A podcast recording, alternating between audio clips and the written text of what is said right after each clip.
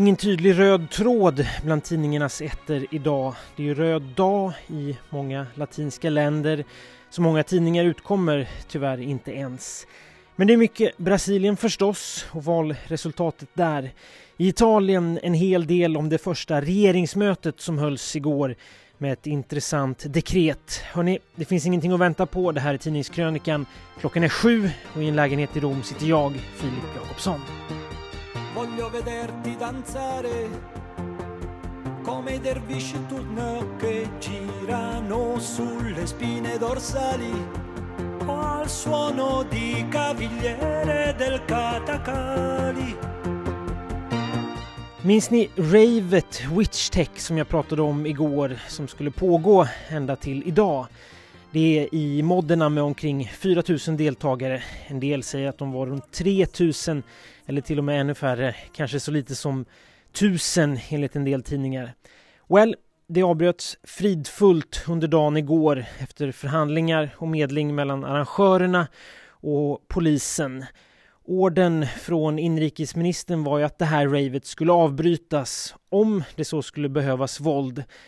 Det är en liten parentes här, men i ett av Mussolinis viktigaste tal 1925 och som vi kan säga tog Italien till den totala diktaturen då sa Mussolini att Italien behövde lugn och hans fascistiska regim skulle föra det här lugnet till landet Con l'amore se possibile och con la forza se sarà necessario.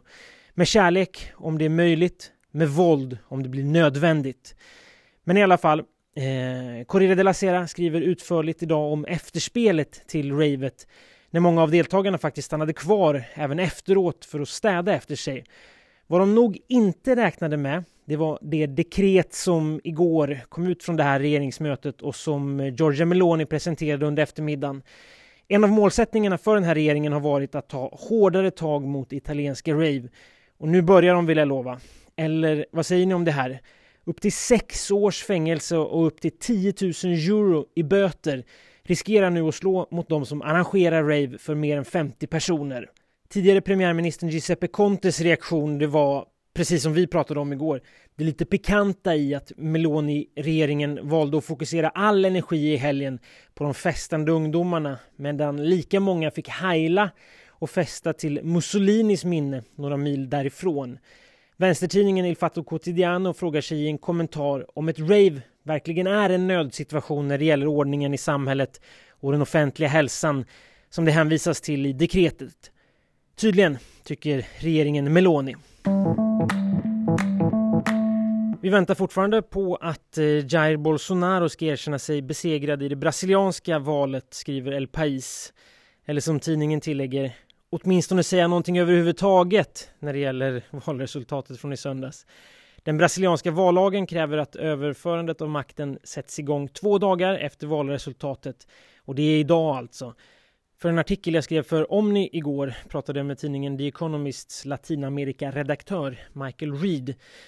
Han trodde inte att det kommer att bli tal om några liknande scener som i Washington i januari förra året när Trump-supportrar stormade Kapitolium i protest mot valresultatet där. Däremot sa han att han trodde att eh, Bolsonaros administration inte kommer att vara särskilt hjälpsam när det gäller den här processen fram till dess att Lula svärs in den 1 januari nästa år. För övrigt måste jag hålla med Mexikos president Andrés Manuel López Obrador. Han sa igår att vi måste analysera hur de gör. Vad refererade han till då? Jo, det brasilianska valsystemet. Brasilien använder sig som bekant av ett elektroniskt valsystem och trots att de har 156 miljoner röstberättigade så var alla röster räknade och en vinnare presenterad på mindre än tre timmar efter att vallokalerna hade stängt. El País skriver att systemet som finns på plats sedan 1996 och som fått internationella priser, eh, vad det nu är för priser det framgår inte, men i alla fall systemet började användas då 96 efter omfattande problem med valfusk och för att förenkla röstandet på väldigt eh, avskilda platser som i Amazonas regnskogar. Det de dock missar det är ju de där tre dagarna av spekulationer som svenska medier fick gratis och kunde ägna sig åt medan en massa volontärer tvingades arbeta dygnet runt i Stockholms stadshus. Om en vecka går USA till mellanårsval. Det är delar av senaten och representanthuset som ska få nya ledamöter. Allt det där kan vi ju eftersom svenska medier är helt besatta av amerikansk politik och eh, den amerikanska politiken har ju verkligen lyckats skapa det som en tv-redaktör älskar.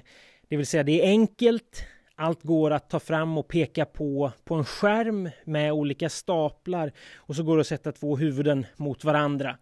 Nåväl, jag tänkte bara hastigt ta upp en artikel från La Vanguardia som spår att latinorösten, alltså väljare med latinamerikansk bakgrund, ofta spansktaliga, Eh, kommer att bli ännu mer republikansk i år. Redan i valet 2020 så gick ju Donald Trump starkt fram när det gäller the Hispanic vote, som de säger i USA, som utgör omkring 20 procent av befolkningen och i år tror alltså La Vanguardia att Republikanerna går fram ännu mer där. Varför det då? Jo, de tror att Demokraterna har tagit the Hispanic vote lite väl mycket för given. Nåväl, en vecka kvar och sen att man pratar om en Hispanic vote i sig är ju lite partikulärt eller som att man pratar om the black vote. Alltså, det är ju helt enorma väljargrupper med helt, helt olika bevekelsegrunder som resten av samhället i stort såklart. Men det är i alla fall enkelt att placera i staplar på en skärm. Come le zingare del deserto con candelabri in testa o come le balinesi nei giorni di festa